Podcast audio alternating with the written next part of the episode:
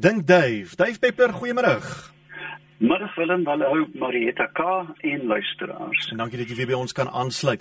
Kom ons val in die pad met hierdie vraag wat ingestuur is.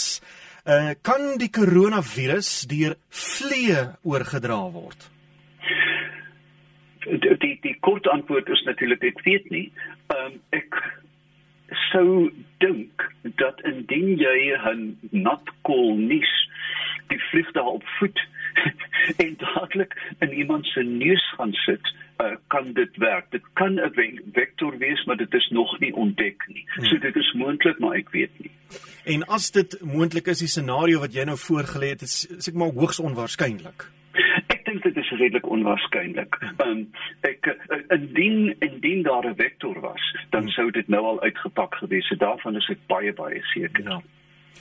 Farouk in Kaapstad vra: Hoe onderskei mens tussen 'n haan en 'n hen onder tarantale? O, genade, jy moet 'n veearts wees. Um, die enigste manier om om werklik die geslag te bepaal van voels wat nie 'n uh, sogenaamde seksuele dimorfisme toon nie. Met ander woorde, uh, die pragtige voorbeeld is die pou. Mm. Die mannetjie pou is onmiskenbaar. Maar as baie voels, die koekie byvoorbeeld, wys geen um, van hierdie verskille nie. En dan moet jy letterlik maar die voel op die rug draai en in die kloaka kyk. Die uh, voels het nie genitale openings soos meeste soos soogdiere nie. Dit is baie primitiewe dinosourus byna en hulle het dan 'n gemeenskaplike sek, uh, seksuele opening die kloaka waar daar by, beide uitskeiding en bevrugting plaasvind en dan kan jy die verskil sien tussen mannetjie en wyfie maar vir die leek ongelukkig is dit regtig baie moeilik. Hierdie vraag is ingestuur deur M Lou wat vra daar's 'n gebruik om seep te rasper en te meng met grondboontjie botter om van muise ontslae te raak. Is hierdie 'n uh, gebruik wat mens kan toepas? Jy weet ek ek, ek dink om liewers die muis op op jy weet twee bakstene te vat, 'n stuk kaas op die een te sit en dan die muis uh, met die ander baksteen dood te slaan gaan dalk meer uh, effektief wees. Um, ek weet nie van hierdie raad nie en ek weet eintlik nie fisiologies wat dit aan 'n muis sou doen nie. Hmm. Ehm um, uh, jy weet dit is 'n gevaarlike ding want 'n mens wil uiteraard nou nie as daar uile in die omgewing is van die redelike giftige doders gebruik nie maar mens moet ook onthou dat die vlakke binne die enkel muis sê net maar jy vergiftig een rot of muis is nie genoeg om die uil dood te maak nie. As hy 10 of 12 van hulle gaan eet ja. gaan dit dalk 'n probleem wees. So my met muise stel ek dir staan voor gaan na jou harteware-winkel en koop 'n ou tydse eyster rotval jy weet daai ding met ja. jou vingers so pap slaan. Ehm um, jy weet jy weet daar gaan nie 'n stelling verby wat jy nie jou eie vingers blou slaan nie. Ons het maar, toe ons op skool was mekaar gedeer om jou vinger in daai ding in te druk, dan snap jy die rook uit jou uit. Ja, kyk daar is besig sulke tande aan die kant mm. en hy jy weet die ding sal op sy uistervar doodslaan. Ehm um, so as daai ding afgaan, weet jy die muis op die rotte stoot en dis 'n genadige dood. Jy weet hy slat vir hom katswink. Mm. En ek dink dit is uh, eintlik maar nou sit jy met 'n liggaam te jy weet maar hoe dit ook al sê. Ek ek dink dat dit werklik die die deurdenkte manier is om die oudheidse valletjies te gebruik te stel uh, nie met kaas nie maar met stukkies vet braaivleisvet, stukkie hoendervlerk of wat ook al, oh. dit werk absoluut briljant. Hoekom nie kaas nie? Dis nou interessant. Die, die kaas val af en dit word bros. Jy verstaan. Oh. Um, en natuurlik as die mure begin vret, vret dit vir jou oop. Waar jy 'n stuk braaivleisvet kan jy vir 3 of 4 dae in die valletjie hou sonder dat hy eintlik degenereer. Jy weet dat en natuurlik alle knaagdiere um, hou van vette. As jy byvoorbeeld vir navorsing sou muise vang, dan vat jy havermout, varkvet um, en meng dit en jy trek muise oor die landskap heen. Dis nou interessant te dink. Ek wil gou vir jou opvolgvraag vra. As jy nou met hierdie hierdie muislyk sit, uh en jy sit hom buite. Sal 'n uil byvoorbeeld gaan vir 'n dooie muis of moet die dier lewe wat 'n uil wil vang?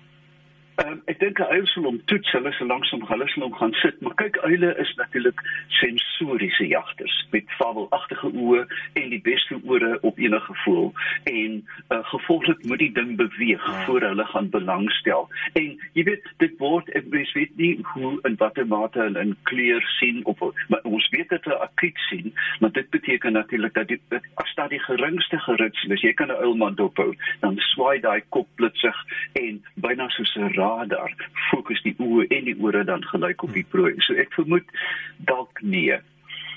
Hier's 'n vraag wat ingestuur is van Anlin in Pretoria. Die persoon sê hierso's klein swart spinnekoppe wat spring. Kan hulle byt en is hulle giftig? Hier's redelik baie van hulle. O ja, ek ek vermoed dit is die klein jagspinne of jagterspinnekoppies met die groot oë, byna soos 'n motor se ligte voor. Um en hulle is verbasende slim diertjies. Hulle spring. Hulle kan jou wel byt, jy weet, as jy die sagste vel uh, in die Limpopo het, gaan gaan die ou tandjies deurkom. Maar hulle is piepklein en hulle is nie giftig nie. Hulle is wel baie intelligent. Dit is van die enigste spinnekoppe wat jy kan leer met kaartjies. Jy kan voor hom sit 'n kaartjie met 'n nul en 'n kruisie en hom elke keer uh, beloon met die kruisie met 'n vlieg en dan sly outomaties na die kruisie te loop. Hulle is verstommend hulle intelligent en hulle is as jy hom van naby beskou, absolute juwele. Davey, weer is nog eers 'n paar dae voor ons by 1 April uitkom. Ja, ek is jammer, ek ek ek weet ek loop net tyd altyd vooruit. Dit is vreeslik, ek nog nooit van so iets gehoor nie. Ja, Hiersoos ja, ja. uh, Leon Schultz in Pretoria, hy sê of hy vra 'n baie nes, 'n baie korf. Hoe gebiedsgebonde is dit?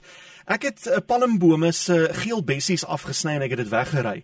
By die stortingsterrein was daar so waar nog bye in hierdie bos besig. Die stortingsterrein is so wat 15 km van die bome wat ek gesny het. Nou sal die bye hulle pad terugvind na die oorspronklike korf of het ek nou hulle die doodsvonnis toegedien deur hierdie bessies weg te ry? Ek vermoed hulle hulle dopie is redelik geklink. Wat wel interessant is dat beide by by termiete en by by bye. Daar het 'n wetenskaplike eendag gesit by 'n bynes met 'n met 'n fyn kwassie, 'n pinset, ehm um, en elke by wat uitgekom het gevang en met 'n kolletjie gemerk en dan gekyk hoe ver hy vlieg. Nee, dit is net wetenskaplik is wat so iets. Ek, ek waarborg jou.